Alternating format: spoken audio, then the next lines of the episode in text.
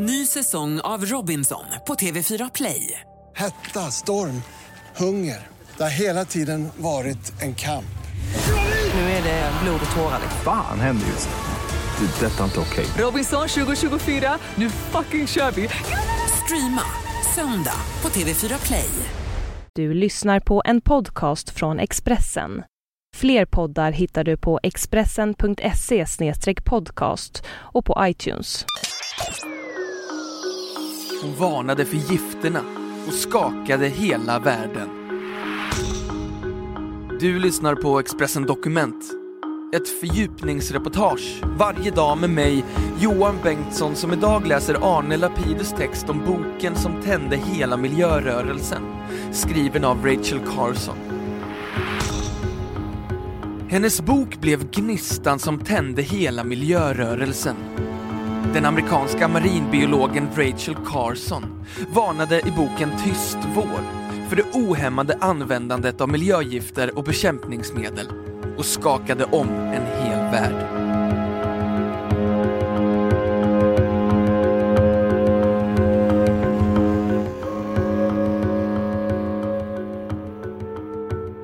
Hon kritiserade framförallt jordbrukets massiva besprutning med miljögiftet DDT mot skadeinsekter och var en av de första som visade hur giftet spred sig allt högre upp i näringskedjan. Hon varnade för att fåglarna skulle försvinna och fågelsången upphöra. Hon skrev att vi därmed skulle få en tyst vår, som den svenska utgåvan av hennes epokgörande bok hette när den kom 1963. Ett år efter det amerikanska originalet Silent Spring. Rachel Carsons rön var inte nya, men hon formulerade dem slagkraftigt och det fick därmed en stor sprängverkan. Den kemikaliska industrin i USA kände sina intressen hotade och gick till våldsamt motangrepp. Kemiindustrin gick till enormt hård attack mot henne som person. De kallade henne hysteriskt fruntimmer och försökte undergräva hennes vetenskapliga trovärdighet. Säger Cynthia DeWitt, professor i miljövetenskap vid Stockholms universitet. Rachel Carson stod emot den enorma pressen. Hon bemötte attackerna lugnt och sakligt. Hon stod upp för människor och miljö. Hon backade inte. Jag beundrar hennes mod och lugn. Hon stod ensam. Idag är vi många. Hon är en stor inspiration för mig och andra miljöforskare som också får slängar av industrin, säger hon. Cynthia de Witt berättar att hon forskar om miljögifte, flamskyddsmedel och att hon själv utsatts för attacker från industrin. Det är en allmän strategi att attackera den som kommer med obekväma budskap. I sådana stunder tänker jag på Rachel Carson. Om hon kunde stå emot pressen så kan jag göra det, säger hon. Rachel Carson var kontroversiell för att hon gick emot den förhärskande framtidsoptimismen och teknikvänligheten. Det var en tid när alla problem skulle lösas med ny teknik och nya kemiska och biologiska landvinningar. I USA förde man stora kampanjer för att använda mer giftiga besprutningsmedel i jordverket, vilket skulle öka livsmedelsproduktionen. Därför var hennes idéer så utmanande för etablissemanget. Hennes bok kom också i exakt rätt ögonblick. USA hade just fått en ung och dynamisk president, John Kennedy, som var öppen för nya idéer och strömningar. Han noterade uppståndelsen kring boken Tyst vår och tillsatte en vetenskaplig kommitté för att utreda miljögifters inverkan. Samtidigt ordnade amerikanska kongressen offentliga utfrågningar där också Rachel Carson vittnade. Sen gick utvecklingen snabbt i många länder. Miljölagar stiftades och miljömyndigheter inrättades. DDT förbjöds. I Sverige fick vi 1969 miljöskyddslagen och Naturvårdsverket.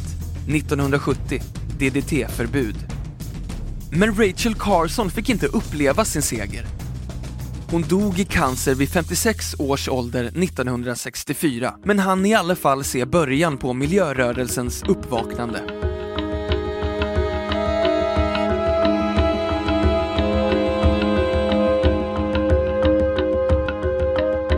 Expressen Dokument, en podcast från Expressen.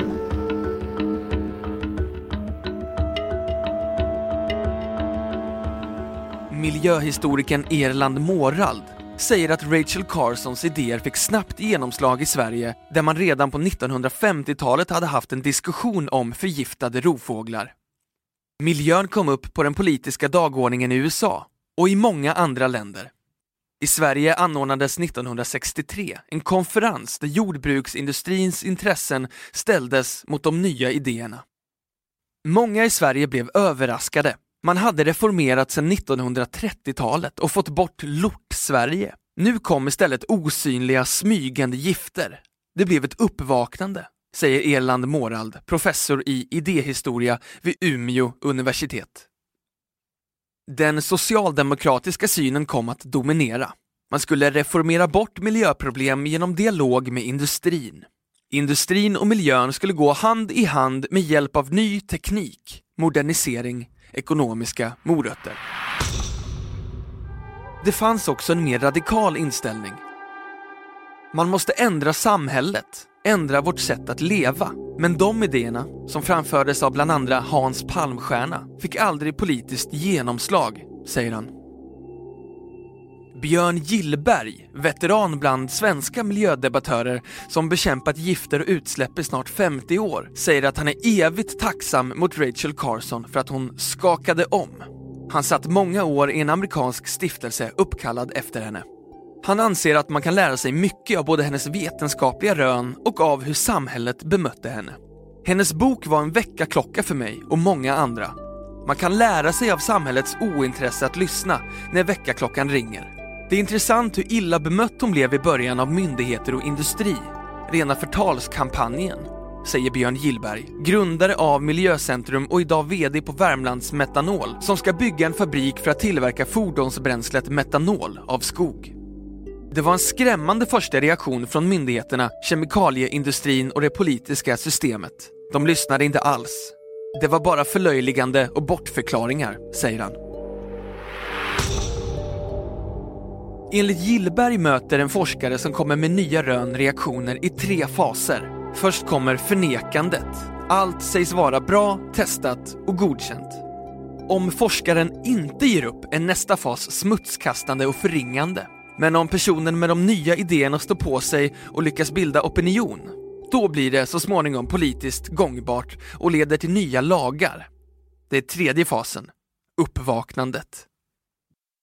Det är uppenbart att Björn Gillberg inte bara talar om Rachel Carson, utan också om sina egna erfarenheter när han beskriver de olika faserna.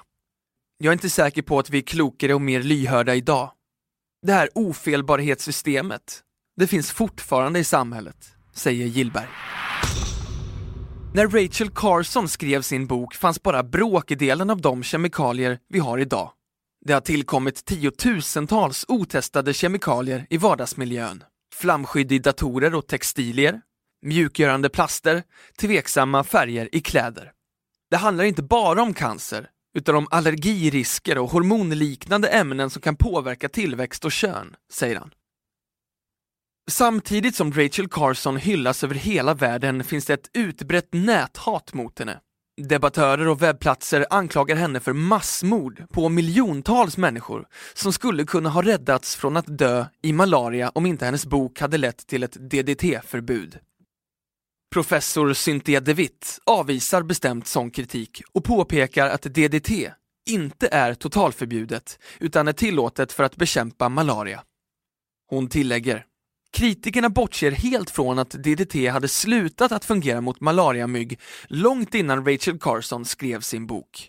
Eftersom man sprutade överallt hade myggorna blivit resistenta. Idag använder man DDT i punktinsatser inomhus.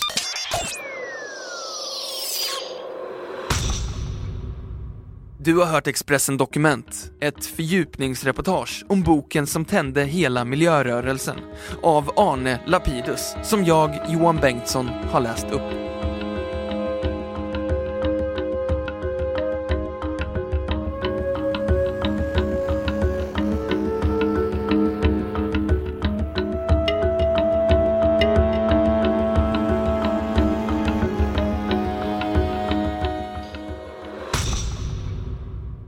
Du har lyssnat på en podcast från Expressen. Ansvarig utgivare är Thomas Mattsson. Fler poddar finns på Expressen.se och på iTunes. Ny säsong av Robinson på TV4 Play. Hetta, storm, hunger. Det har hela tiden varit en kamp. Nu är det blod och tårar. Fan händer just nu. Det. är Detta är inte okej. Robinson 2024, nu fucking kör vi!